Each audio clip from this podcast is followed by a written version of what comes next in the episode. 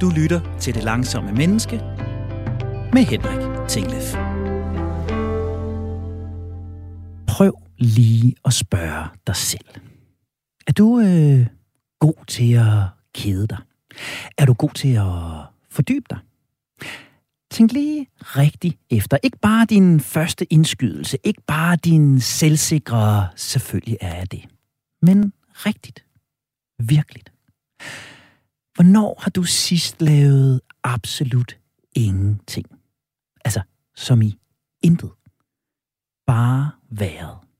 Uden at scrolle mobilen, uden at stene fjernsyn, uden at ordne potteplanterne eller mentalt planlægge næste weekend. Hvornår har du sidst hængt ud over armlænet på sofaen og tænkt, eller måske ligefrem udbrudt, jeg keder mig? Altså, ligesom vi gjorde, da vi var børn. Jeg, jeg har ikke gjort det i ualmindelige tider. Jeg hader at kede mig. Jeg flygter fra at kede mig. Jeg synes, det er forkert. Det er forfærdeligt, hvis jeg skulle komme til det. Det er uproduktivt. Det er skræmmende. Men i sidste uge, der lærte jeg, hvordan jeg snød mig selv. Hvordan min smartphone ofte bare dulmede min kedsomhed og fik mig til at føle, at jeg udrettede noget smart. Men altså, uden at jeg overhovedet gjorde. Måske så fratog det mig i virkeligheden kedsomhedens fordel. Hvornår har du sidst øh, fordybet dig i noget? Været 100% til stede i en aktivitet? I en bog? I et andet menneske? Ikke dit arbejde, ikke din sport. I en rolig og i det store perspektiv ligegyldig handling. I en skønlitterær tekst, for eksempel. Det tror jeg nærmest aldrig, jeg har været. Og slet ikke, hvis man trækker det der med arbejdet fra. Men lykkes jeg med at begrænse min skærmtid op, det gør jeg, så får jeg en masse tid til fordybelse. Meget gerne i gode historier og skønlitterære bøger, som jeg har sjoflet i årvis. Om ikke hele mit liv. Du kan godt se det, ikke? Det moderne menneske er slet ikke så godt kørende på stillstand og fordybelse. Jeg i hvert fald ikke. Og jeg ved, at I mange, der har det som jeg. Det det er, ikke? Det må vi kunne gøre bedre. Det må vi kunne gøre langsommere. Du lytter til Det Langsomme Menneske på Radio 4. Jeg hedder Henrik Tinglef, og jeg er din vært. Ikke bare i programmet her, men på rejsen mod, at du og jeg sammen kan blive langsommere, roligere og mere nærværende mennesker. Dagens emne er kedsomhed og fordybelse. Nærvær uden flugtabstinenser. Tilstedeværelse uden distraktion. Kedsomhed som opladning og fordøjelse. Fordybelse som vitamin og energi. Sammen med mine gæster, der forsøger jeg i dag at blive klogere på, hvor går grænsen mellem kedsomhed og dogenskab. Er det vidderligt rigtigt, at det er sundt at kede sig? Hvordan bliver det moderne menneske bedre til at fordybe sig i en tekst? Og skal det langsomme menneske læse på papir eller skærm? Se til at gøre både dig og mig klogere på netop de spørgsmål, og sikkert en hel masse flere, så har jeg lige nu min første gæst i studiet, og det er Martin Herbst. Velkommen til, Martin. Tak. Martin, du er teolog, forfatter, foredragsholder, rådgiver, rejseleder, og så underviser du blandt andet på Folkeuniversitetet i København. Du har skrevet flere bøger, blandt andet De syv glæder, Forstå det moderne menneske og de syv dødssynder, samt De syv dyder i går og i dag. Martin, det er en sand fornøjelse at kunne tale mennesker, menneskers natur og menneskers reaktioner med en ikke-psykolog og få et andet perspektiv end det, vi så tit har fået. Så jeg er spændt på dine perspektiver på, øh, på projektet her. Mm.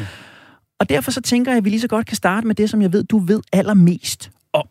Og noget, du i hvert fald ved mere om end de fleste, nemlig dødssynderne. Ja. Og Martin, mit helt grundlæggende problem, det er jo, at øh, når jeg keder mig, når jeg er inaktiv, når jeg prøver bare at være, så opfatter jeg det jo netop forkert, skamfuldt, øh, som et dårligt menneske. Jeg oplever jo næsten, at jeg synder. Så det store første spørgsmål til dig, Martin, det er, hvor er det grænsen går mellem inaktivitet og kedsomhed, og så dødssynden, dogenskab? Ja, altså jeg tror, det er, det er enormt vigtigt, at man forstår, at, øh, at tingene ikke er entydige. Altså, der findes en god passivitet, og så findes der en dårlig passivitet. Der findes en god aktivitet, og så findes der en dårlig aktivitet. Vi lever ofte i et naturvidenskabeligt univers, hvor vi tolker alting entydigt, for det kan vi bedre håndtere. Men når det drejer sig om de her dybere ting, så er der en tvetydighed på færre. Og hvis vi nu taler om den, den dårlige passivitet, ja. så er den gået ud af navnet dogenskab. Men også her har der været forskellige forståelser. Altså når vi hører ordet dogenskab, så tænker vi på dogne Robert, ja. eller på fysisk ladhed. Ja. Men der er andre former for dogenskab. Åndelig dogenskab, at man ikke gider at tænke sig om, eller at man ikke gider sin næste social apati, som han har Arndt ment for årsagen til den anden verdenskrig. Og så er der den dybeste form for dogenskab, som er den, der, der er blevet til dødssynd dogenskab, og det er, at man ikke gider sig selv. Det er livslede. Ja. Det er fortvivlelse. Det er håbløshed. Det er, at man kaster håndklædet i ringen og flygter. Måske ud i restløshed. Se, det her, det er den dårlige form for passivitet, okay? Ja. Man kan sige, der findes det, at man ikke gider det, altså et arbejde, det er ikke så slemt, at man ikke gider dig, den er endnu værre, mm. og så den værste, for så er der ikke noget håb, at jeg i virkeligheden ikke gider mig selv. Den gik under navnet akadia, der på græsk betyder ligegyldighed eller ikke omsorg, fordi man ikke har været bevidst om det væsentlige. Men det betyder jo ikke, at det modsatte af dogenskab så er flid. For der findes også en god passivitet. Og jeg kender ikke nogen bedre beskrivelser end det, end en skabelsesberetning i Bibelen, hvor Guds, der først der i begyndelsen skabte Gud himmel og jord, og der var tomhed og øde, og Guds ånd svævede over urdybet. Altså, der, det er helt stille, okay? Ja. Og helt passivt. Truende. Det her, det er virkelig kedeligt. Og så kan man sige, så, så keder Gud sig. Men han flygter jo ikke væk fra kedsomheden. Guds ånd svæver over vandene, han forholder sig til det. Og så begynder struktureringen af kosmos. Og så skaber Gud det hele. Først himmel og jord, og så hav og vand. Først det vertikale, så det horisontale, så planterne, og så menneskene. Men hvad kulminerer det hele med? Ja, det fortæller du mig. Fred. Shalom. Fred. Shalom. Ikke, ikke et regneark, eller hyperaktivitet, Nej. Eller hvordan skal vi nu optimere vores målsætning, men en fred? En Så... fred, der er uden for tid og rum. For de andre skabelsesdage, der står der, at det blev morgen og aften første dag. Men på den syvende dag, der er ikke nogen tidsbestemmelse, fordi det er øh, en fred, der er uden for tid og rum. Den form for fred, den form for passivitet, det har været det højeste, både i den bibelske tradition og også i den filosofiske tradition. Så det, du fortæller mig, det er, at ved at ture være til stede i intetheden, ja. ved at ture være til stede i stillheden, ja. der skaber jeg grundlaget for kreativitet, innovation, skabelse, alt det, der kan blive godt. Ja, kedsomhed er ikke et mål, vel? Nej. Altså det der med, nu skal vi lære at kede os, eller vi skal på kedsomhedskursus, det, det, det er ikke kedsomhed, der er målet. Men kedsomhed er en uomgængelig station på vejen mod et autentisk selvforhold og på vejen mod kreativitet. Altså, du kan sammenligne lidt med en U-bevægelse, okay? Det begynder rigtig godt. Du sidder der foran dit, med din bog, ikke også? Ja. Og, det, og du, har, du har forberedt det hele, okay? Og, ikke? Nu skal du have to timer til det her, ikke også? Yes. Og så begynder det at gå ned. Og så begynder du at få alle mulige indskydelser til at gå ud med skraldespanden, øh, klippe hår, hår, øh, pandehår, øh, gøre et eller andet besøg de syge, gøre noget fra ringe til ens mor. Støv af i vindueskarmen og op, dog. Yes. Alt muligt, ikke også? Og der er det altså, der, det, det skal du ikke gøre nu. Der, der, der skal du blive der. Og så skal du lade dig føre ned. Men det, der så sker, det er, hvis du lader dig føre ned, kommer du til et punkt, hvor, hvor du ikke kan mærke tiden, og hvor du opgiver øh, konkrete resultater, men der bliver du alene med dig selv. Ja. Og der sker der det, at du forholder dig til dig selv, og hvis du så bliver ved, så, så, øh, så forvandles kedsomheden til, til noget vidunderligt. Og så ender det faktisk med en, en, en, en fantastisk form for fred. Men det lyder som om, der er sådan en mellemfase, og jeg kan mærke, det er der, jeg plejer at flygte. Ikke? Altså, fordi det, og din ubevægelse, er, er, den giver god mening for mig. Når jeg er på vej ned af, af venstre side ja. i uget, så er det, jeg flygter. Ja. Fordi det er der, jeg begynder at tænke, det er godt det her, nu mister jeg overblikket, nu mister jeg kontrollen, ja. nu er jeg ineffektiv.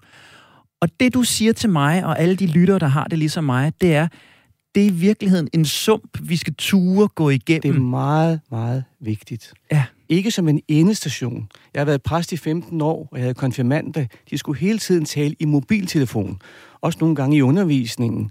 Og så siger jeg til dem, hvorfor kan I ikke bare være stille? Ja. Hvorfor kan I ikke bare slukke, fordi mobiltelefonen er være stille? Så var der en pige, der rakte hånden op og sagde, det er uhyggeligt. Ja, men det kender jeg godt. Og, og det er også det er igen, igen det her twitchyde i, fordi vi tror, at når noget føles dårligt, så må det være dårligt. Ja. Okay? Og hvis noget føles godt, så må det være godt.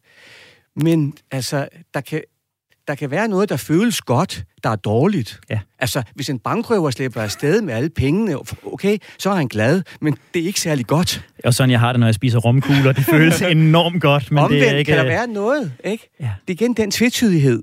Ja. Omvendt kan der være en form for, ja, lad os bare kalde det lidelse eller smerte, øh, som i virkeligheden er konstruktiv. Fordi hvad er det, der sker i den lidelse? Det er, at du suspenderer den øjeblikkelige tilfredsstillelse for noget langsigtet. Ej, hvor er det godt. Det, det er, fordi vi har jo talt ind i det her før med... Altså, jeg tror nede i fitnesscentret, der var det stå øh, short-term pain, long-term gain og sådan noget. Men, men det er jo i virkeligheden et spørgsmål om at holde fokus på det lange Netop, ja. perspektiv. Det er, det er, altså, hvis, hvad er definitionen på en god leder? Det er der ikke en, der suspenderer det permanente for det øjeblikkelige. Nej, nej.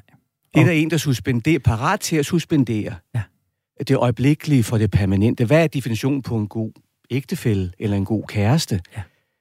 Og, og jeg vil sige, det de gør nede på fitnesscenteret, det er helt fantastisk. Bliv ved, når du læser en bog. Ja. Altså lad, lad være med at gå hjem fra fit. Ja, dengang jeg gik jeg gik til fitness, så sagde jeg Det jeg altid, se. når vi har været til spinning, så sagde jeg til spinning, så nu skal vi hjem og læse. Ja. Nu skal vi hjem og læse Platon eller Dantes guddommelige komedie. De kiggede på mig, for de var helt udmattede. Ja. Så hvis man vil bruge den der øh, sandhed, der ligger i det, også på, på, øh, på, på menneskeligt plan, Ja. så tror jeg simpelthen, at verden vil være et bedre sted, så når du sidder og keder dig, og du suspenderer den der øjeblikkelige nydelsessyge, Ja.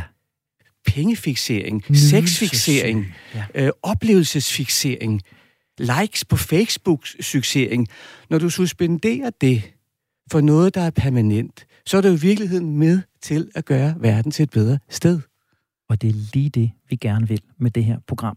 Men du er nødt til at hjælpe mig, Martin, fordi hvad gør jeg, når jeg sidder der? Fordi det her giver jo mening teoretisk for mig. Jeg, jeg er vild med begrebet nydelsessyge, og jeg tror i den grad, jeg er nydelsessyg. Jeg, jeg har brug for at få noget stimulation, hvad end det er, er likes på sociale medier, eller det er romkugler, eller det er, jeg ringer til Andreas ude i regiet og fortæller ham om nogle spændende idéer til de næste programmer.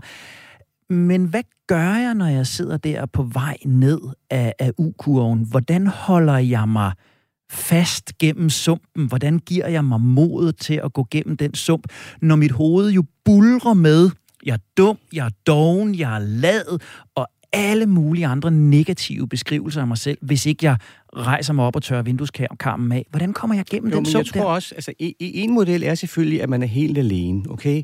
Nærmest som en munk ude i den egyptiske ørken. Ja. Det var faktisk en, en ørkenfar ved navn Evacuus Ponticus, der det i 4. århundrede øh, efter Kristus lavede den første dogenskabsanalyse, der er helt, der er helt eminent. Det, det, det er den ene model, ikke? men man kan, jo også, man kan også komme i et godt selskab. Og det gør man jo igennem litteraturen. Ja. For i det øjeblik, at du øh, her taler jeg ikke om billedbladet af Se og Hør, okay? Her, jeg, jeg taler om de store værker. Ja. Platon, Dantes guddommelige komedie, som jeg underviser i. Ja. Øh, Kirkegård, øh, de, de store værker. I det øjeblik, at du øh, kommer ind i disse værker, så kommer du ind i de store ånders selskab. Du kommer ind i den store diskussion. Du kommer ind i et tidløst område. Og i det område, øh, hvor du øh, udveksler med disse store tænkere, der bliver det ikke kedeligt. Der bliver det overhovedet ikke kedeligt. Øh, så så, så, så det, jeg, jeg, jeg vil ikke råde folk til bare at søge i kedsomheden for kedsomhedens skyld, eller bare sætte sig på en stol alene. Men sæt dig og slap af. Og så kom i de gode ånders selskab. Og jeg kender ikke selv noget bedre middel til det end litteratur. Men der findes jo også andre ting. Der findes musik, ikke? og der findes kunst. Og det er jo det perfekte oplæg til, at vi netop skal tale litteratur, læsning, fordybelse i tekster øh, lidt senere. Jeg kunne godt tænke mig at, at, at spørge dig, Martin, ud fra, fra dit øh, perspektiv også. Hvorfor er det, jeg dømmer mig så hårdt, når, når jeg er ineffektiv? Altså, jeg er med al respekt, jeg er ikke et troende menneske. Jeg, jeg dømmer ikke mig selv som en sønder over for en høj spirituel magt. Men, men jeg føler virkelig, at jeg synder. Jeg bliver skamfuld, når jeg bliver, bliver inaktiv. Hvad er det, det moderne menneske har med denne her inaktivitet, kedsomhed? Hvorfor er det forbundet med noget så negativt og devaluerende? Altså, Platon havde den idé, at vi var skabt i det guddommelige billede. Okay? I det guddommelige billede. I Bibelen har man en idé, at man er skabt i Guds billede. Ja. Det, der er vores problem, det er, at vi er skabt i maskinens billede. Det er det, der sker. Ja. Altså, vi er jo blevet til maskiner. Ja. Og hvis computeren er det, der definerer os, jamen så ligesom computeren skal køre hurtigere og hurtigere, så skal vi køre hurtigere og hurtigere, og vi skal hele tiden dokumentere alting. Og hvis vi ikke dokumenterer det og omsætte det til økonomisk profit eller succes i andres øjne, så synes vi, de har, så, så, er der et, så har vi et stort problem. Mm. Og jeg, jeg vil sige, det, jeg forstår godt det her. Jeg har jo selv skrevet flere bøger og holder foredrag, og jeg kan godt lide, når folk synes, det jeg siger, det er godt. Men der findes også en skønhed, der er uden for kategori. Altså, der findes også et nærvær, man ikke kan sætte på formel. Han har Arendt, det, det 20. århundredes største politiske tænker, hun sondrer mellem tre menneske sådan, øh, modus. Ja. Den første kaldte hun animal laborans. Det er det arbejdende dyr. Du arbejder for at overleve, og du overlever for at arbejde. Ja, det andet, det er det skabende væsen. Det er det kreative væsen. Det er det politiske væsen. Radioverden, mm. forfatteren, mm. øh, den person, der gør noget godt på sit arbejde, det er den anden kategori. Men hun har en tredje, vita activa. Og det er mødet, det genstandsløse mødet, menneske til menneske. Ja. Og hun siger, vestens syndefald er, at vi kun opererer med de to første kategorier, ikke med den sidste. Ja. Hvis vi går tilbage til skabelsesberetningen, ikke, så går Gud i gang. Ikke? Så er der arbejdstid, han arbejder, okay? Og så er der fritid. Og så er der arbejdstid og fritid, og arbejdsfri og fritid, okay? Og så er der hellig tid, det sidste. Den tid, der ikke kan sættes på formel, og som ikke skal gøres op i produktivitet. I gamle dage, når vi mødte hinanden, så sagde vi, hvordan har du det? I dag siger vi, hvad er du gang i? Yes. Og selv pensionister, de legitimerer sig selv ved at sige, at de aldrig har haft så travlt, som fordi de pension.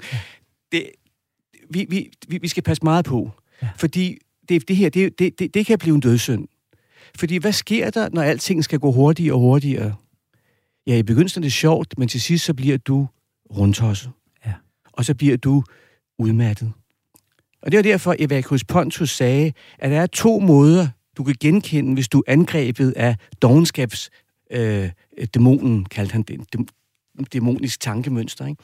Han sagde, det første, det er hyperaktivitet ja. og restløshed. Skyldig. Ja, altså at vi, vi tror, at det modsatte af dogenskab er flid, ah, ah, ah, ah.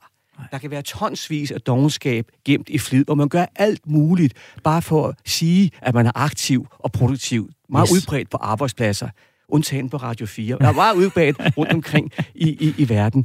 Så forstår du, hvad jeg mener? 100. Altså, det er, at øh, vi skal passe på med, at vi ikke bare øh, måler det i, hvor mange venner vi hele tiden besøger, hvor mange likes vi har, og hvor meget vi er gang i. Det kan være et udslag for, at man har ikke givet at forholde sig til det, der virkelig er væsentligt. Og det andet symptom på dogenskab, det er så kollaps. Ikke? Ja. Inerti. Ja. Og man kan sige, hvad er, hvad er vores, hvad er vores grund, grundsygdomme i dag i vores samfund? Jamen det ene, det er jo Yes. hyperaktivitet. Og det andet, det er depression. Og der, undskyld mig, det er så dejligt at tale med en, der ikke er teolog, men psykolog. Der, der synes jeg nogle gange, psykologien kommer, ko- kommer til kort. Ja. Fordi det her, det kan altså ikke diagnostiseres væk, Nej. eller medicineres væk. Nej. Og nu, nu, nu kommer det. det. Altså, for Evagrius ponticus, der er erfaringen af denne her kedsomhed og dogenskab et sundhedstegn. Ja. Det er et sundhedstegn. Det er kun, det, det er kun et, et, noget forfærdeligt, hvis du bliver hængende i det. Og så er det jo fantastisk, at Søren Kierkegaard lang tid senere, uden at have læst Evacuus Ponticus, der er han, ikke? Han kommer frem med, med sin analyse ikke? af sygdommen til døden, ikke? Øh, med, med fortvivlelse, Ja. ikke? Hvor, hvor, det er, hvor det faktisk er, er akkurat det samme. Ikke? Martin, jeg har U-kurven stående foran mig. Jeg skal ned i dybet. Jeg skal ture blive i dybet. Jeg skal ture være midt imellem overaktiviteten og kollapset der, hvor kreativiteten virkelig opstår. Jeg skal have, og det tager jeg med mig, jeg skal skrue ned for min nydelsessyge, og jeg skal have mere tid, der ikke kan sættes på formel.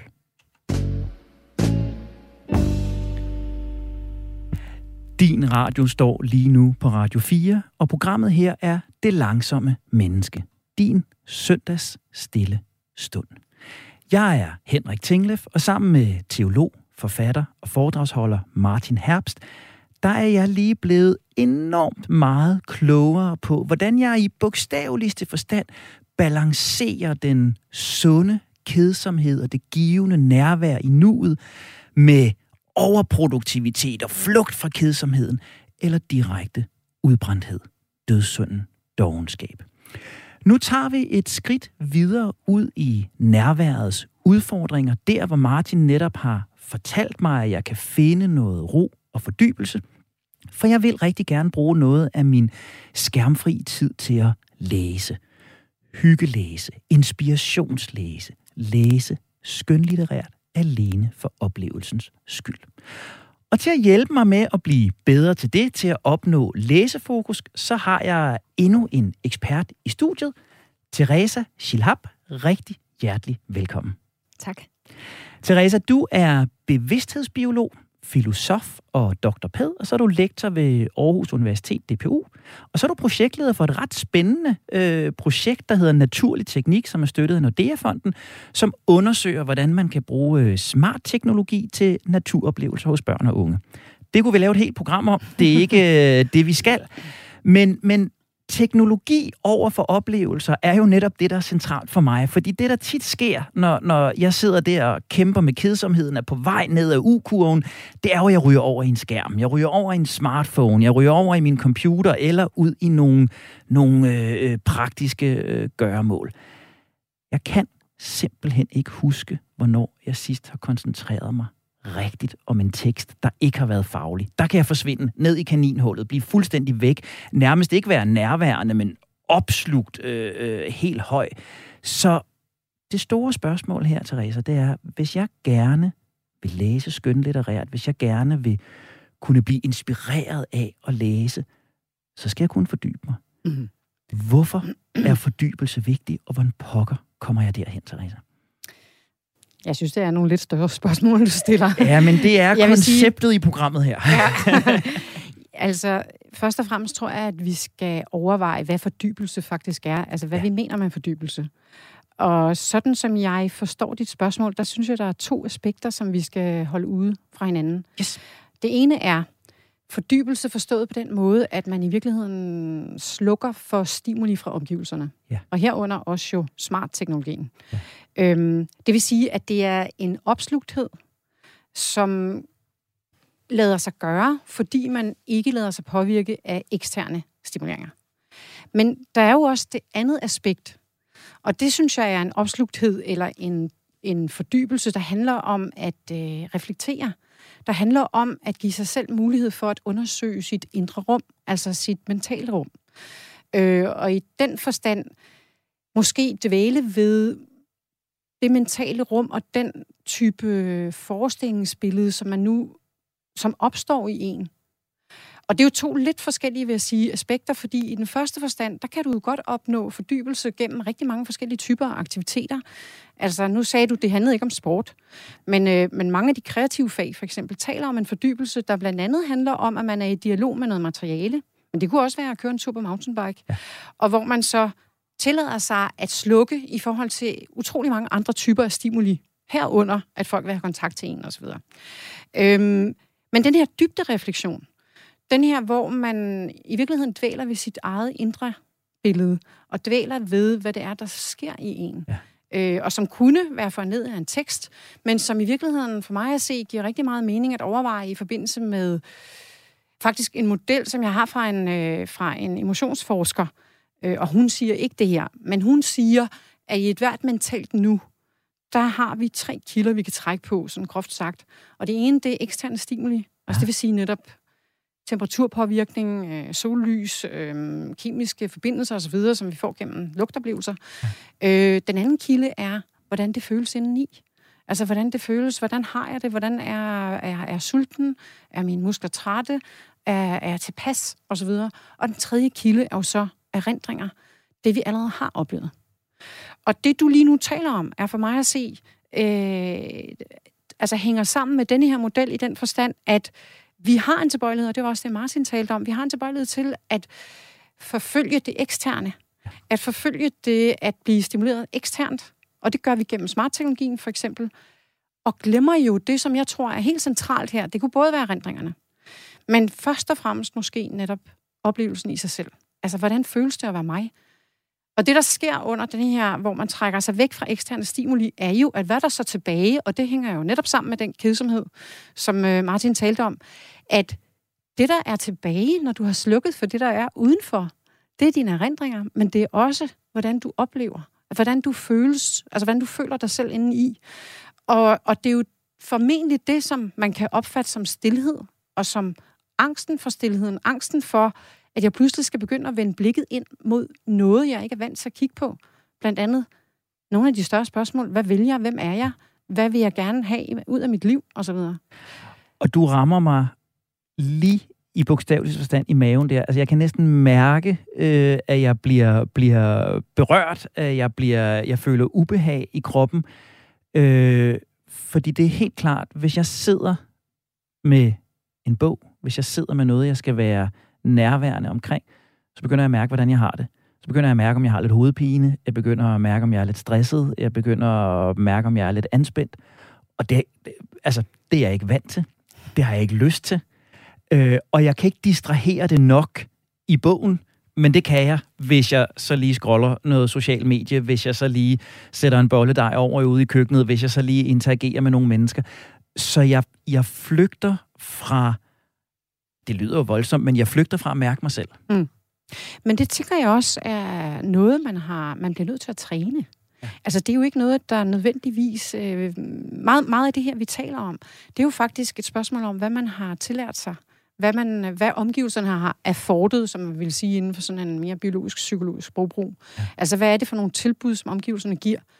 Og smartteknologien har jo givet os det tilbud, at du kan altid bare lade dig distrahere. Øhm, med mindre du gør noget aktivt ved det. Øh, og problemet er jo, at vi netop lever i en verden, hvor vi, hvor vi langt hen ad vejen også bliver forpligtet på at bruge den her smart teknologi. Så når den så også er i stand til at distrahere, så kræver det en ekstra dimension, at man faktisk man skal træffe nogle beslutninger, aktive beslutninger om, om man på samme tid kan bruge det som et arbejdsredskab, eller hvad man nu skal bruge det til, og også kan, kan afholde sig fra at bruge det. Ja. Og der tænker jeg nogle gange, også i den diskussion, vi har nu, at det jo for mange menneskers vedkommende er krøbet ind som en del af deres hverdag, og ikke noget, som de aktivt har tilvalgt. Samtidig er det jo i vid udstrækning det ny teknologi, og folk har jo ikke fået redskaber til rent faktisk komme med de overvejelser, som vi står og diskuterer i dag. Altså, hvad er det, der skal til, for at jeg rent faktisk magter at, øh, at give mig selv plads igen i forhold til at lade mig forstyrre og abstrahere fra mig selv.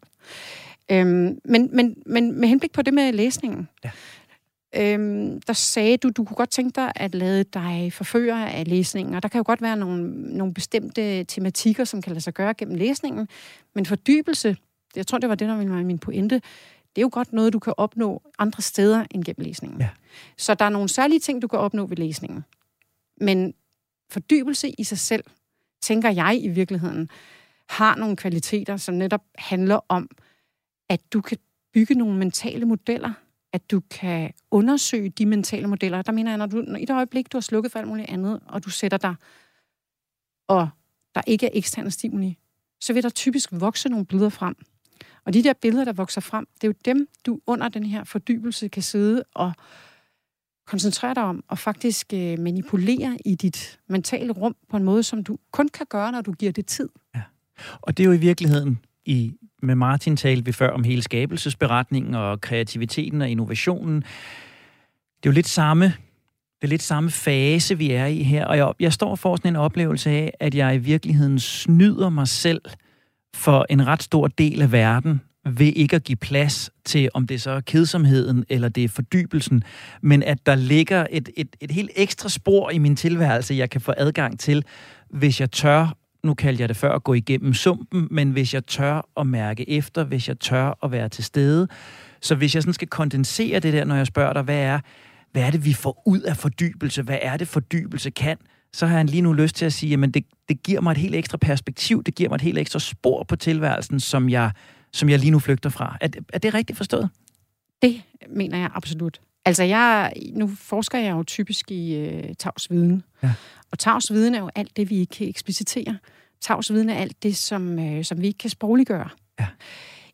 Og det, der er faren ved udelukkende at lade sig inspirere af hurtige sproglige formuleringer, som er noget, der måske endda er blevet formuleret, så man lige fanger det hurtigt. Det er bare en overskrift, and that was it det er, at vi alligevel vi bliver op på det niveau, som handler om en, en, en meget hurtig fortolkning eller afkodning af det her sproglige niveau.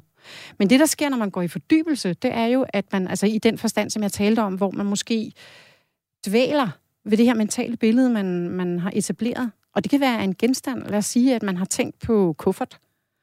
Så manifesterer den her kuffert sig som et billede. Men man kan jo vende den om på alle mulige måder i det her mentale rum, hvis man bruger tid på det. Og det, der pludselig åbenbarer sig, er jo det, der ligger i vores viden, som er den tavse viden, og som er alle de relationer, en kuffert indgår i, alle de følelser, en kuffert indgår i, alle de oplevelser, der er knyttet til. Og det er jo det, vi skal ned og have fat i, og det er det, som litteraturen også ind imellem, eller, eller i vis udstrækning magter, at vi skal have fat i al den bagage og alt det... Øh, nu sagde jeg bagage, fordi der var en association til kuffert.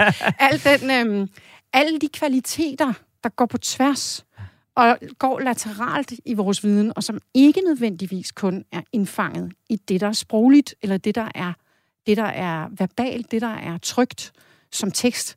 Og vi bliver lidt for tekstlige og lidt for sproglige indimellem. En super, super vigtig pointe. Og jeg står lige nu, det er sjovt, fordi mens du siger det, står jeg og kæmper med, at jeg på den ene måde lige nu mærker jeg ret kraft. Jeg, jeg kan fysisk mærke i kroppen det, du fortæller mig, og jeg står og har sådan en oplevelse af noget dybde, og i virkeligheden noget, noget, noget bredhed i det, du beskriver for mig. Og jeg kæmper med at kunne sætte ord på det. Jeg, jeg kæmper med at kunne sige, hvordan kan jeg nu lave den smarte opsummering, hvor jeg lige giver lytteren de tre smarte to-dos på det, Teresa siger. Og det er jo virkelig det, vi skal hjælpe hinanden væk fra. Vi skal virkelig hjælpe hinanden væk fra, den oplevelse, som, som jeg får af bare at lytte til dig nu, den oplevelse skal vi også give de mange mennesker, der lytter med, og bare være i det og danne deres kuffert ind i hovedet og se kufferten fra alle de vinkler, de nu kan, uden at jeg nødvendigvis sætter tre smarte opsummerende ord på det. Ja, men samtidig vil jeg så sige, at man må ikke demonisere sproget. Fordi det, der jo er så fantastisk ved det, er, at netop det kan faktisk give muligheden for, at hvad kan man sige, være, den, øh, være det værktøj, der går fra et menneske til et andet. Og hvis det andet menneske så dvæler ved de ord, kan vedkommende komme ind og få fat i al den her tavse viden, der ligger i de udtryk. Så i den forstand skal man ikke, øh, skal man ikke øh, affærdige sproget som noget, der kun er overfladefænomen. Men det, man netop skal, er, at man skal forstå, at sproget peger på noget, som er langt større end det selv. Det er... Øj, jeg, øh, det, det er længe siden, jeg har været så berørt, når jeg har, øh, har stået her. De lytter, der kan huske øh, åndedrætsudsendelsen, øh, vil vide, at øh, der kæmpede jeg. Det gør jeg også lige nu. Jeg bliver berørt på et dybere plan, for jeg kan mærke, at jeg... Jeg kan mærke, at der er rigtig meget flugt i det her for mig, øh, øh, øh, hvor, jeg, hvor jeg selv lægger låg på og aktiverer mig øh, for ikke at ryge ind i det her, som, som, som I begge to øh, taler om. Noget, som ikke er en flugt, som kan komme til at lyde sådan, men som ikke er en flugt, er jo det her store ønske, jeg har om at kunne fordybe mig i skønlitteratur. Jeg er sådan en, der, der øh, hele mit hjem er fyldt af bøger. Øh, det første, man ser, når man kommer ind i min entré, det er bogreol på hele den ene side. Kommer du ind i min stue, så er der bøger alle vegne. Jeg elsker bøger. Men du kan nærmest ikke finde en skønlitterær bog i mit hjem. Det er faglitteratur, hele balladen, og så er det politiske biografier. Øhm, så prøv at fortælle mig, øh, Teresa, er det... Jeg har en idé om, at jeg misser noget. Jeg har en idé om, at jeg går glip af noget. Og jeg kunne rigtig godt tænke mig at fordybe mig i skønlitteraturen. Så igen har jeg jo to spor. Den ene er, hvad får jeg ud af det, og hvordan gør jeg det? Men lad os, lad os starte med, hvad er det, skønlitteraturen kan? Hvad er det, jeg kan få ud af at blive bedre til at fordybe mig i skønlitteraturen? Inden da, der vil jeg godt have lov til at sige, nu bruger du dig selv meget som eksempel. Ja. Og jeg kan ikke lade være med at overveje, om det, at du har svært ved at fordybe dig, er fordi du i virkeligheden faktisk fordyber dig ret meget. Noget af det, som jeg vil sige, du kunne få af at læse skønlitteratur, det tror jeg, at du får ud af at interviewe dine gæster, og af at uh, lave opsøgende arbejde. Men det, det lader vi så lige ligge kortvarigt, men overvej, om fordybelse findes mange forskellige steder. Fordi det, jeg vil sige om, altså det, der er hævdelsen om, hvad skønlitteratur kan, det er jo at give indsigt i meningsfuldheder hos andre mennesker. Det er blandt andet at åbne verdener, som du ikke selv oplever. Så det, du får gennem litteraturen og skønlitteraturen, det kan være et spejl på dig selv. Det kan være et spejl, hvor du opdager, at du ikke er sådan, eller du gerne vil være sådan. Det vil sige, at du får adgang til nogle... Øh, nogle elementer, som du kan have svært ved at selv opleve, men som du kan udnytte gennem andre menneskers erfaringer. Og du får en større rummelighed af hævelsen. Du får en større rummelighed, fordi det, der sker, er, at du bliver tvunget ind i netop at lave den her slags mentale modeller, hvor du får lavet netop alternative verdener, øhm, og som kan byde på en utrolig øhm, oplevelsesrigdom. Samtidig så er det jo ofte, altså skønlitteratur handler jo ofte om det levede liv. Og dermed er der en masse gentagelse i det, og en masse repetitivt, som kommer, altså som, som spejler dit eget liv. Og det, der kan ske gennem litteraturen, er, at du får lov til at gennemleve nogle processer, og dvæle ved dem ved hjælp af forfatterens udpenslinger. Elementer, som du ikke selv har haft magtet at dvæle ved.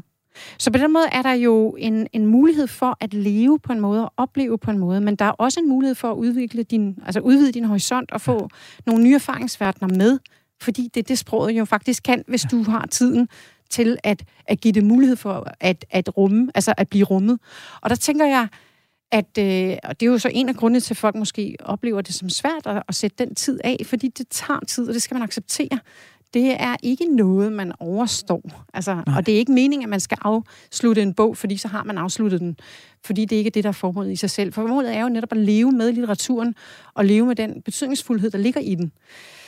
Det, der så er på enten er, at du siger, hvad er det, jeg får ud af det? Altså, hvad er det, jeg mister, hvis jeg ikke læser? Ja. Man kan sige, at man kan, man, det, det viser sig faktisk, at, at skønlitterære læsere øh, langt hen ad vejen godt nok kalder, altså bliver de ofte kaldt for bognørder og så videre, og at de ligesom er isoleret fra omgivelserne. Men det viser sig, at de faktisk har en øh, social øh, forståelse, som er større end folk, der ikke læser skønlitteratur. Wow. Og nu talte Martin jo faktisk om det her med, at man øh, havde en social passivitet, altså social apati. Det, man kan stimulere gennem den skønlitterære læsning, er jo lige præcis ikke at få den her sociale apati. Og der var det, at det var derfor, jeg hele tiden henviste til dig, fordi jeg tænkte, jamen det har du jo ikke for eksempel, så hvad ville du få ud af at læse? Jamen det du måske i høj grad ville kunne få ud af at læse, sådan som jeg forstår den måde, du fremstiller dig selv på, Det vil være det at afskære dig fra omgivelserne. Det vil være at give dig selv rum til at sætte dig og føle. Men jeg er ikke så sikker på, at det der med at have kontakt til sig selv og i forhold til andre mennesker, at det er noget, du lider meget af. Men oh, tak. Det. og on that happy note, mine damer og herrer, du lytter til Det Langsomme Menneske på Radio 4. Programmet, der dokumenterer min og inspirerer din rejse mod et langsommere liv i mere balance. Et liv med mere tid og ro til nærvær og fordybelse. Jeg hedder Henrik Tinglef, og med mig her i studiet, der har jeg teolog, foredragsholder, underviser og forfatter Martin Herbst og Dr. Ped, lektor ved Aarhus Universitet DPU, Teresa Schilhab. Vi har talt kedsomhed, vi har talt fordybelse, vi har talt fornuftig brug af den tid, der bliver til overs, når jeg nu begrænser mit skærmforbrug. Og jeg har lært, at der nede i dybet, nede i sumpen, bag ved min tilfredsstillelsessyge, der ligger der et parallelt spor, som jeg skal blive langt bedre til at opsøge. Vi har øh, en 10 minutters tid til, tilbage sammen, øh, vi tre, og jeg tænker, at øh, jeg har helt lyst til at vende jeres roller på hovedet, Teresa og, og, og Martin. Så Martin, du har jo været lidt inde på det, men, men set fra dit perspektiv, hvad gør fordybelse, fordybelse i læsning for, for mennesket? Er det virkelig en flugt fra kedsomheden? Er det væk fra min ukurve, hvor jeg ryger ind i en historie og forestiller mig noget andet, dermed på vej mod dødssynden? Eller giver fordybelse og læsning os noget åndeligt, menneskeligt? Jeg synes, det var rigtig, rigtig godt, øh, det Therese siger, med hvad det er, der sker, når man læser stor litteratur. Fordi fordi formålet med at sidde med en bog er ikke at komme væk fra virkeligheden. Det er at komme tilbage til den. Men for at komme tilbage til virkeligheden, så skal du faktisk først væk fra den. Ja. Altså, i gamle dage, så skulle øh, profeten op på bjerget, okay? Man skal ikke blive op på bjerget. Han skal op på bjerget, han skal isolere sig. Hvorfor? For at komme tilbage. Man skal ud i ørkenen for at komme tilbage igen. Altså, på jødernes ørkenvandring den der pendulbevægelse er enormt vigtig, så man læser ikke bare for at komme væk fra verden, men man kommer væk fra verden. Grækerne kaldte det hesykia, stillhed, ikke kedsomhed, men kommer væk fra verden, og så er man helt stille der, og så kommer man ind i en verden, hvor ens eget perspektiv bliver spejlet og åbnet, og så går man ud. Og så ser man på menneskene, og så ser man på træerne, og på solen, og på stjernerne, og de er akkurat de samme, men der er alligevel sket et eller andet. Det er den pendulbevægelse, vi skal frem til. Og så på den måde er det enormt socialt, som ja. Therese sagde, ja. Ja. at være alene. Man sagde om den gamle politiker Cato i Romeriet, at aldrig var han mere social, end når han var alene. Nej. Altså, det er den, det er den pendulbevægelse. Og noget andet, som jeg også synes, det var, nu bruger jeg ikke ordet fantastisk, men rigtig godt, Therese, som du sagde, det er det her med sprogets berettigelse og begrænsning. Fordi øh, sproget øh, er jo ikke virkeligheden. Sproget er et forsøg på at fange virkeligheden. Ja. Sproget er kroppen, og vi kan ikke forstå et andet menneske uden kroppen, men et menneske er mere end krop. Ja. Og det, det får mig også til at tænke på noget andet, altså, som jeg synes, der er så vigtigt. Altså, de gamle grækere, øh, de havde sådan en trefoldig forståelse af mennesket. At mennesket består af begær, det er det der tilfredsstillelse af nydelsesyge. Ja. Så består det af temperament, det er vilje, det er ambition på arbejdspladsen, om det går godt på Radio 4 og alt det der. Ikke? Og så er der det sidste, og det er fornuft og ånd. Ja. Og, og vi skal ikke leve en amputeret tilværelse, okay? Hvor det kun bliver intellektuelt, eller kun bliver begæres nydelsesorienteret, men det er helheden, som vi skal, have, som vi skal, som vi skal genvinde. Ja. Og der, der mener jeg, at øh, vi har et kæmpe problem i dag, ja. fordi, vi, øh, fordi den store fortælling er druknet i en masse små fortællinger. Og der kan litteraturen hjælpe os til at komme tilbage til det der helhedsperspektiv. Ikke? Jeg bliver fanget af det der med det sociale i, øh, i læsningen, og du adresserer det også her, Martin. Øh, jeg læste for nylig, Teresa, at en amerikansk undersøgelse fra 2016 viste, at andelen af voksne amerikanere, der havde læst mindst en roman, den var faldet til 43 procent i 2015, fra cirka 57 procent i 1982.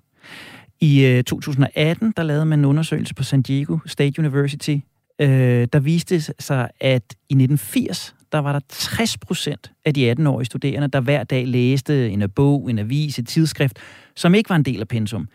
I 2016, der var det styrtdykket til 16 procent. Vi er altså færre og færre, der læser andet end det, vi skal læse. Hvad gør vi ved det? Jamen, jeg tror først og fremmest, så skal man, så skal man nok overveje, hvordan rammerne er for faktisk at sætte sig med en bog. Sætte sig og, og ligesom lukke alt muligt andet ude. Øh, og problemet er jo, tænker jeg, jeg har set en anden undersøgelse, der tyder på, at børn i dag, og nu tager jeg så børn og unge i dag, er ja. længere tid om at lave de samme lektier, som, øh, som man før i tiden måske kunne klare på ikke engang, altså mindre end en halve tid. Og pointen er jo, at det vi gør i dag, det er, at vi multitasker. Vi skal nok tilbage til at monotaske. Altså forstået på den måde, at vi rent faktisk skal være koncentreret om en enkelt opgave, fordi det at multitaske, det siger man jo også, det kan godt være, at det ser ud som om, man laver mange opgaver på en gang, men problemet er, at det tager vældig meget længere tid. Og børn i dag føler sig jo voldsomt stresset over, så lang tid det tager at lave lektier, men det er fordi, de ikke er opmærksomme på, og deres guidelines er ikke opmærksomme på, at de rent faktisk er i gang med, så skal de finde musik, og så skal de lige svare på den her Instagram-besked, og så skal de lige orientere sig om, hvad det nu var, der blev sagt på, øh, på lektion, og så videre, så videre. Så det vil sige, at de sætter sig jo ikke koncentreret om en opgave, og noget af det, der bliver problemstillingen, bliver jo så også, at de langt hen ad vejen, altså et, mangler tid, vi mangler tid, mm. på grund af den her multitasking, men to, Altså, vi får fyldt en masse ind, som i virkeligheden ikke er specielt brugbart for den opgave, vi løser. Og så, og så tre, der er jo ikke nogen i talesættelse af, at det her er en problemstilling, som det måske ikke skal påvile den enkelte hele tiden at finde løsninger på, for så er det kun de ressourcestærke, der kan det. Vi bliver jo nødt til at få nogle, nogle overvejelser om, hvordan kan vi få et fredeligt sameksistens med denne her type af teknologi, som skulle hede sig at være til vores gavn, men i virkeligheden viser sig kun at være der navn. Altså, så i den forstand vil jeg sige, hvad skal der til? Der skal det til, at vi begynder at overveje, hvordan vi indretter os, og hvordan den langt hen ad vejen er den meget lette, lette løsning, fordi den er jo en ekstra hjerne. Det er jo også det, det havde jeg faktisk lyst til at sige før, at problemstillingen er jo, og det viser forskningen, at folk har et ekstremt passioneret forhold til deres mobiltelefon. Så meget, så de ikke er i stand til at slukke for den, og ikke er i stand til at vende, vende øh, skærmsiden nedad. De føler sig distraheret, men yes. ikke bare distraheret, de føler sig faktisk også deprimeret. Og problemstillingen bliver jo, at når man kan bruge denne her, altså når man oplever det som, at den er en hukommelse, for en. Den er en informationskilde til alt det, man skal bruge, for at man kan, kan navigere i hverdagen osv. Så, så bliver den jo utrolig svær at sabotere. Så bliver det jo vanskeligt at lægge den væk, fordi den i virkeligheden også netop er en understøttelse af nogle af de processer, som vi gerne vil have understøttet. Så vi bliver først og fremmest nødt til at få nogle konkrete overvejelser om, hvad det er for nogle funktioner, der i længden, som vi taler om i dag, er problematiske, og hvad vi, hvordan vi kan leve med det Altså, hvordan vi kan opstille nogle scenarier. Og jeg vil svare, at materialiteten, rammesætningen, det at finde nogle, øh, altså etablere nogle rutiner. Og det sidste, jeg vil sige på, som svar, det er, det handler rigtig meget om rutiner. Det handler rigtig meget om det, og det glemmer vi tit. Det handler ikke om, at det enkelte menneske kan sige, nu vil jeg ikke bruge den mere, nu vil jeg detoxes. Vi taler jo om nogle læringsmønstre, som har stået på i rigtig mange år efterhånden. Det er ikke noget, man bare gør overnight. Så skal man have en ekstremt stærk mental øh, statur, og man skal jo også have sit liv til at agere i forhold til det. Så skal man kunne gå ud i ørkenen og sætte sig, og det er der ikke mange mennesker, der kan i dag. Så nogen enkelte kan jo. Altså, jeg er jo i stand til at opretholde et liv, hvor jeg ikke behøver at have en mobiltelefon, men hvor mange har det sådan. Ja. Så i den forstand vil jeg sige, at det er, det, det er også en lille smule, man skal også, vil jeg, jeg, vil, jeg, vil være, jeg vil være varsom med at udskamme det forhold, at folk har den tilbøjelighed i dag. Det vil jeg kun gøre i det øjeblik, de aktivt vælger at blive ved med det, hvis de ved bedre. Og det er jo så dejligt her i virkeligheden at blive fritaget en lille smule fra skyld og skam og sige, det her projekt hviler ikke på mine skuldre alene. Det er også et spørgsmål om, hvad det er for en virkelighed, der er skabt omkring mig. Jeg skal skabe nye rutiner, men vi skal også sammen også, skabe nye sige, rutiner. Det er også, altså, opgaven vil jo også være så, apropos det her med, at der er noget godt og noget dårligt, ikke? Altså, er det overhovedet muligt ikke, at bruge også den teknologi på en måde, så den er befordrende for fordybelsen? Præcis. Det er jo en udfordring, men det, det er en udfordring, man også burde tage op. Ikke? Og med de ord, så er vi nået til opsummering på programmet. Vi er nået til det, vi kalder. Det langsomme menneske præsenterer dagens slow hacks. Vi er nemlig nået til vores slow hacks. Opgaven for os tre sammen nu, det er at opsummere dagens udsendelse i et råd hver. Et helt konkret to-do. Ikke de store filosofiske floskler, ikke ændringer, der kræver superkræfter. Det lille life hack, som det hedder på nudansk, det lille trick, det vi selv og lytterne kan sætte i værk i morgen, for at påvirke hverdagen mod sund kedsomhed, mod sund fordybelse. Og øh, som afsender, så får I to lov til at, øh, at starte. Og øh, Martin, du får lov at være den øh, allerførste. Hvis du skal opsummere dit hovedbudskab til mig og til lytterne, hvad hedder to-doen slowhacket så? Altså bare i en sætning. Sådan. Ja, tak. Jeg vil sige. Erstat Facebook med The Great Book. Uh. Gør det. Gør det, og se så, hvad der sker. Punktum. Teresa, den er svær at komme tilbage på, den der, men øh, du får også lov at opsummere dit hovedbudskab i et slow hack. Som nok bliver en lidt længere sætning. Øh, jeg tænker, at det fornuftige at gøre i en travl hverdag, det er at opfatte vente tidsrum. Tidspunkt, hvor man venter. På samme måde, som vi er blevet anbefalet at tage trappen i stedet for elevatoren. Når du sidder og venter, er det hos lægen? Er det på dit barn? Er det, mens din kæreste taler i telefon? Lad være med at bruge din egen. Lad, altså lad roen hvile over dig, og overvej, hvad der sker med dig. Brug de små, korte pauser til at øve dig i på sigt faktisk at kunne lægge den væk en gang imellem. Ja. Værdsæt dine pauser, brug dine pauser, søg dine Men pauser. gør det på samme måde som at tage trapperne. Det er godt for din sundhed. Nyd, når der er kø på motorvejen. Præcis. Og jeg har stået gennem hele udsendelsen i dag og været øh, dybt berørt. Jeg har været øh, berørt af Martins fortælling om yderpunkterne og U-kurven. Jeg har været berørt af lige præcis, hvordan jeg kender til at svinge mellem overaktivitet, overproduktivitet, øh, hyperaktivitet og så total udmattelse og udbrændthed øh, på den anden side. Jeg har været enormt berørt af Teresas fortælling om det er næsten dobbeltspor til tilværelsen, som, som jeg og vi mister, når ikke vi tør at fordybe, når vi flygter fra at begynde at mærke øh, vores krop, når vi begynder at mærke det, der, der er inde i. Og derfor tænker jeg, at min opsummering, mit slow hack på, på udsendelsen i dag, det er bliv der. At der, hvor jeg forsøger at flygte, der, hvor jeg forsøger at sætte gang i bolledejen, eller afstøve vindueskarmen, eller støvsuge hele huset, der skal jeg blive der. Og der, hvor jeg får lyst til i ventetiden at hive telefonen frem og scrolle på den, eller snakke med manden ved siden af, eller sætte ting i gang, bare bliv der. Så hvad der end er, bliv der. Det her, det har i den grad været en time i nærværets tegn. I to har været enormt rare at være nære med, meget inspirerende at øh, være nære med. Og på en eller anden mærkelig måde, så har det på ingen måde været kedeligt, selvom det måske netop var det, det skulle have været. Så øh, tak til dig, Martin Herbst, øh, teolog, foredragsholder, underviser, rådgiver, forfatter.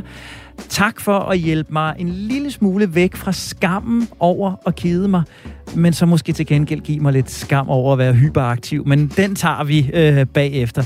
Tak også til dig, Teresa Schilhab, øh, bevidsthedsbiolog, Dr. Ped, lektor ved Aarhus Universitet, DPU. Tak for at guide mig i retning af at ture være til stede i alt det, der kommer, når jeg bare er nærværende. Og øh, tak for at fritage mig lidt for skylden over ikke at læse skønlitteratur, men, øh, men jeg vil gerne øve mig lidt alligevel. Og det her, det bliver ordene for i dag. Husk, at du altid kan hente Det Langsomme Menneske på podcast, der hvor du henter dine podcasts, eller på Radio 4-appen. Har du input eller kommentarer, eller interessante vinkler på langsomlighed, som vi skal kigge nærmere på, så kan du skrive direkte til redaktionen på langsom radio4.dk. Programmet her er produceret af Only Human Media. Tak, fordi du har investeret både din tid og din opmærksomhed i os. Jeg hedder Henrik Tinglef, og frigjort fra mine sønner, der fordyber jeg mig nu endnu mere i at blive det langsomme menneske.